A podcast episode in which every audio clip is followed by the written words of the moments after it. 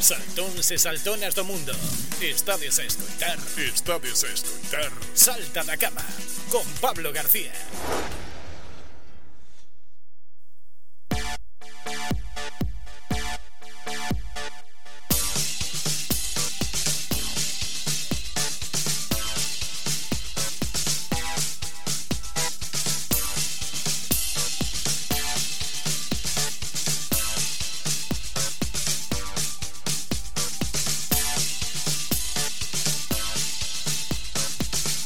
Como vos decía ao principio do programa, hoxe é a última sección de actualizados comunicación nesta tempada aquí no Salta da Cama. A semana que ven xe o día 1 de maio e o día 8 pois xa non hai Salta da Cama. Haberá outra cousa pero non é o Salta da Cama vale? Así que Lorena Penaste nos preparado unha super sección para que teñades teñades bastante que pensar e que traballar este tempo todo, non? Traenos 15 tendencias do panorama digital para reforzar as marcas durante este ano. Así que tendes traballo para todo o ano. Damos a, a benvida a Lorena Pena de Actualizar. Moi bo día. Bos días, Pablo. Última sesión de coaching a través de las ondas. Efectivamente, última sesión, sí. Vamos a poner así acento para que se nos haga viral la sección.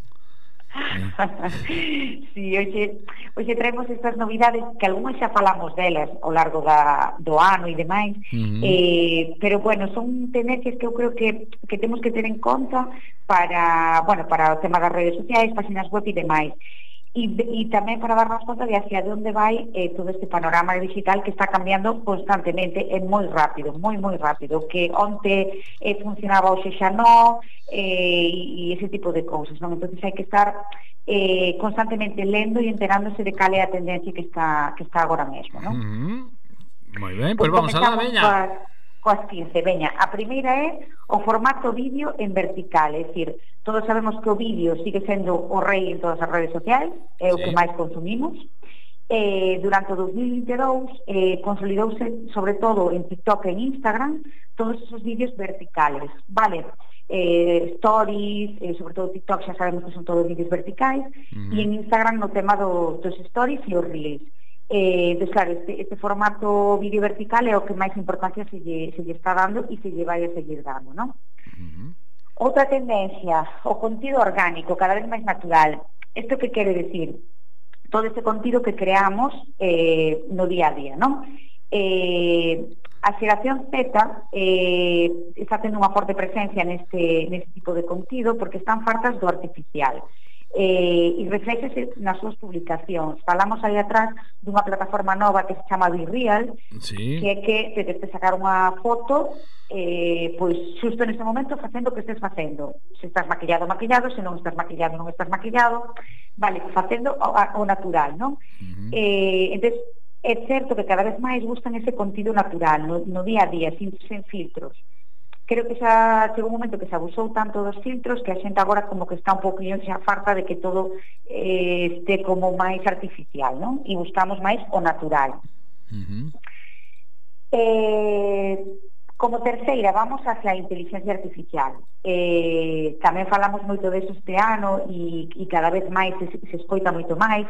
Eh, e está claro que vamos a incorporala cada vez máis na nosa metodoloxía de traballo sexamos community managers ou, ou outro tipo de profesión, porque, por exemplo, ferramentas como o ChatGPT, que falamos eh, fai unhas semanas, poden nos servir aos creadores de contido e ás marcas ou a calquer equipo de comunicación para eh, valernos un pouco desa, dese formato e que nos axude a crear contido en, en no canto das redes sociais, páxinas web e demais.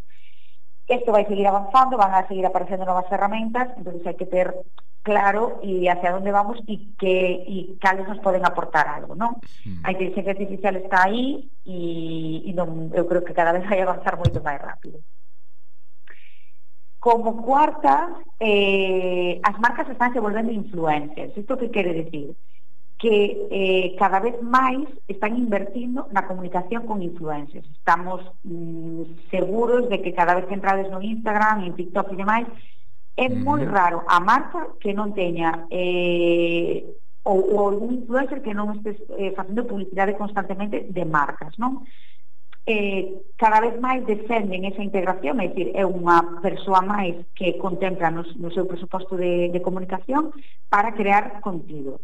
Eh, e ademais, mm, empezas a notar un pouquiño que buscan creadores que sean fiéis á marca, non que se adapten a eles, non? É dicir, hai de todo, como todos lados, pero cada vez máis os influencers buscan marcas que sexan afins a eles, porque senón eh, todo isto que falamos antes de ser máis naturales e máis reales, pois pues non teria, non teria sentido, sí, efectivamente. Sí.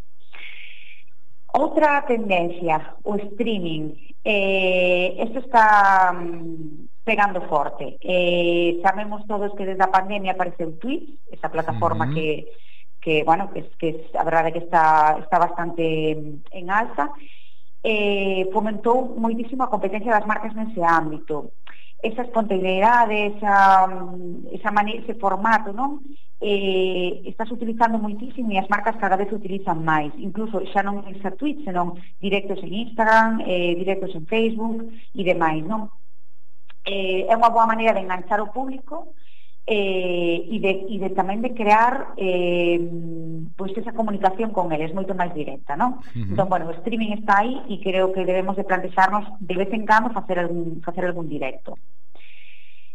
Outra tendencia, o live shopping, eh, faláramos tamén aí atrás eh, todos eses, eses directos esa, mm, esa maneira de vender online, digamos, non? en directo. Uh -huh. eh, Por exemplo, as tendas de roupa cada vez están facendo máis. Eh, pois sale unha ou dúas persoas nese directo, estánse probando a roupa, están dicindo os precios de canto vale esa peza e no directo suelen facer algún desconto de, bueno, pois durante 24 horas eh, tes un 10% de desconto se pos o código X na nosa página web, non? Eh, que fai iso que eh, a, a tenda, neste caso a marca, eh, este escoitando a súa audiencia, porque a xente se está conectando, está facendo preguntas, Ajá. eh, pois esa talla e demais, non? Entón, en canto a moda, sí que se está utilizando moitísimo e, e é unha maneira tamén de vender en directo, digamos, porque a xente pois, te la enganchada e o mellor se te está facendo o pedido eh, desde aí, non? Entón, bueno, é algo que temos que, que temos que ter en conta, podese facer con máis eh, sectores, pero sí que é certo que na moda pois, quizás sexa un pelín máis, máis lixeiro, non? Outra tendencia, eh, falando un pouco de contido, eh, o branded content, que uh -huh. quere decir que cada vez as empresas están apostando máis por transmitir eses valores de marca e o storytelling, que ven sendo contar historias. Vale, eh, é certo, e estamos cansados un pouco de que cada vez que unha marca sube unha foto de teño este produto, comprádeme, non? Non, vamos a contar unha historia acerca dese produto, vamos a darlle valor a nosa marca, vamos a buscar eses puntos de diferenciación. Se eu fago o que fan o resto, non vou chamar a atención. Entón, teño que buscar unha maneira de Oye, pois eh, vou contar unha historia alrededor deste produto que acabo de sacar novo e que seguro que ten unha historia detrás. Entón vamos a mm, buscar esa estrategia de contido para chamar a atención. E esta é unha das que, das que mellor funciona. Eh, contar unha, a historia que hai detrás deste produto ou desta empresa ou desa marca, non? Outra tendencia, eh, bueno, pois pues que o, é moi importante que lle demos valor ao contido que van a xerar os usuarios falando da nosa marca. Vale, claro, eso é que non hai nada máis potente ni, ni nada máis valioso. Todos sabemos que eh, a, a mellor publicidade é o boca a boca. Non hai outra. É dicir, se eu compro un produto e eu recomendo a toda a miña, todos os meus amigos, pois probablemente acabe en mercado. Pois isto é o mesmo, se os nosos usuarios xeran eles contido de maneira orgánica falando ben da noso produto, da nosa marca, eso é algo que é moi, moi valioso. E o que temos é que agradecerles de certa maneira, compartilo e darlle ese valor. Eh, porque é moi importante, porque é onde a xente vai a ver que realmente ese, ese produto funciona ou non funciona, uh -huh. ou gusta ou non gusta, non? Ou como utilizalo moitas veces, que vemos algo non pois sí. pois ne, hai usos que nós non non lle saberíamos dar e vémolo, ah, pois isto sí que me encaixa, non? Para isto sí. Efectivamente. Uh -huh. Sí, sí, sí, sí. Outra tendencia é a creatividade no contido. Eh, xa o teño dito aquí moitas veces, mm, temos que ser creativos, temos que buscar a maneira de diferenciarnos eh, e cada vez máis sí que se está notando, non? Eh, moita xente pois, utiliza influencers que fan esa, ese contido un pouco máis creativo, outros simplemente les mesmos e demais, pero buscar un pouco esa creatividade nas súas producións para que chame a atención. Uh -huh, vale. Outra tendencia, a humanización da comunicación da marca, é dicir, eh, expresar esos valores, esas ideas, humanizar a marca. Sempre digo que mm, é moi interesante que salga quen está detrás da marca, non? Poñerlle cara a todos esos que fan esos produtos ou que venden esos produtos. Eh, por que? Porque eh, é moi interesante saber quen está detrás. E moitas veces unha simple tontería como unha foto pois, na oficina vendo como traballa eh, o personal que, que traballa nesa marca, pois estás humanizando, xa estás dando ese valor eh, de quen traballa aí, non? Ese, ese día a día que vende moitísimo. E eso é algo que moita xente non fai, que se centra solo no produto e non, debemos tamén darlle importancia a quen está detrás. Presentar o equipo, por exemplo, diferentes accións que, que fagan que nos humanicemos un pouco, non? Outra tendencia, xa vamos pola 11, eh? Estamos eh, rematando. Estamos rematando. Bueno, eh, os trends adaptados, é dicir, esas tendencias. Todos eh, sabemos que cando entramos unha red social, pois hai unhas tendencias, non? E, e, nos, e cando é tendencia nos acaba chegando a todos eh, e demais.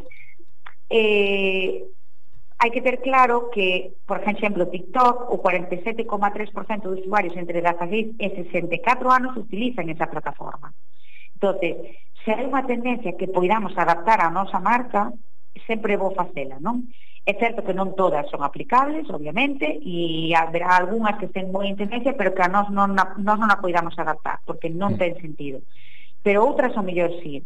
Entonces, bueno, sempre vou estar coas tendencias e ver se si a podemos adaptar e aplicalas. É dicir, para, para que a nosa comunicación corporativa pois pues, sexa este no momento que ten que estar, non?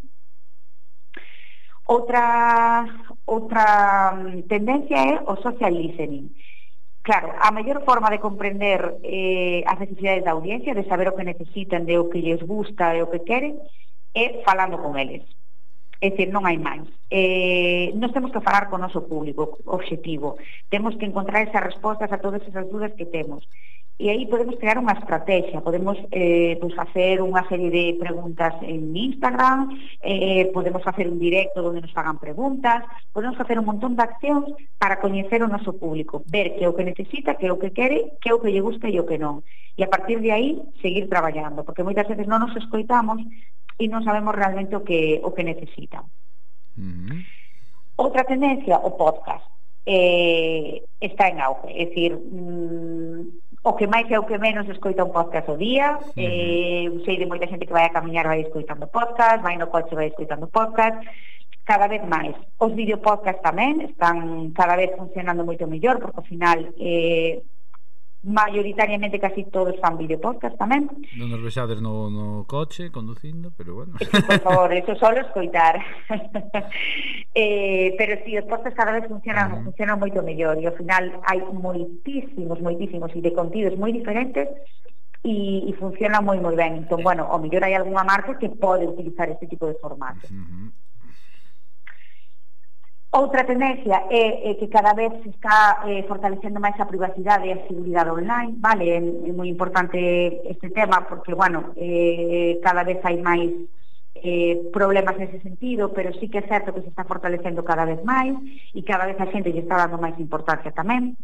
E xa por último, que xa o dixen un pouco antes, pero sí que é certo que eh, cada vez máis a figura do influencer se está profesionalizando, é dicir, cada vez nos estamos dando conta de que é unha profesión, de que hai moita xente que se está dedicando a isto, é unha nova maneira de facer publicidade, non sei canto vai durar, nin, nin que vai acabar, pero está claro que nestes últimos anos eh, está funcionando moi ben, uh -huh se está consolidando moito e as marcas están apostando moito por isto, non?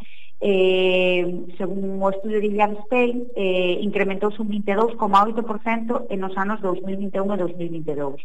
É certo que a pandemia, nese sentido, axudou moito, eh, pero hai que ser conscientes de que están aí, de que mm, hai moitos que fan moi ben e que funciona moi ben cando os contratas e de que non podemos olvidarnos desa, desa figura, non? E aí están as 15 tendencias. Pois aí están, e nada, os que queran contratarnos, pois xa saben o que teñen que facer, non Lorena? Efectivamente, sí. bueno, pois nada, moitísimas grazas polo traballo que faz, eh, bueno, que facedes dende Actualizados Comunicación e o que é a sección que facedes aquí cada luns e nada, eh, voltamos en setembro, eh? Ata setembro. Mira que vacacións, mira que jefe enrollados son que che dou vacacións, que vacacións longas, eh? eh? É pagadas, eh? Vas a seguir eh, cobrando sí, sí, sí o mesmo que cobras eh, cada luns, eh? O mesmo que cobraba antes. Eh, e incluso, mira, eh, como vas de vacacións vacacións e nas vacacións ás veces gastas un pouco máis. Vouche dar o doble do que che dou eh, cada luns por... Extra, ¿no? sí, sí, no, o doble, o doble directamente. Ah, o, doble, o doble do que cobras cada luns voucho dar para que disfrutes das vacacións. Que che parece? Perfecto, perfecto, parece unha maravilla, vamos. É que, tes que gran, son un gran xestor. Hombre, como ten que ser. xa che digo. Bueno, Lorena, moitísimas grazas a ti, a todo o equipo e eh, de Ica Setembro, vale? Unha aperta grande. Grazas a ti, Pablo.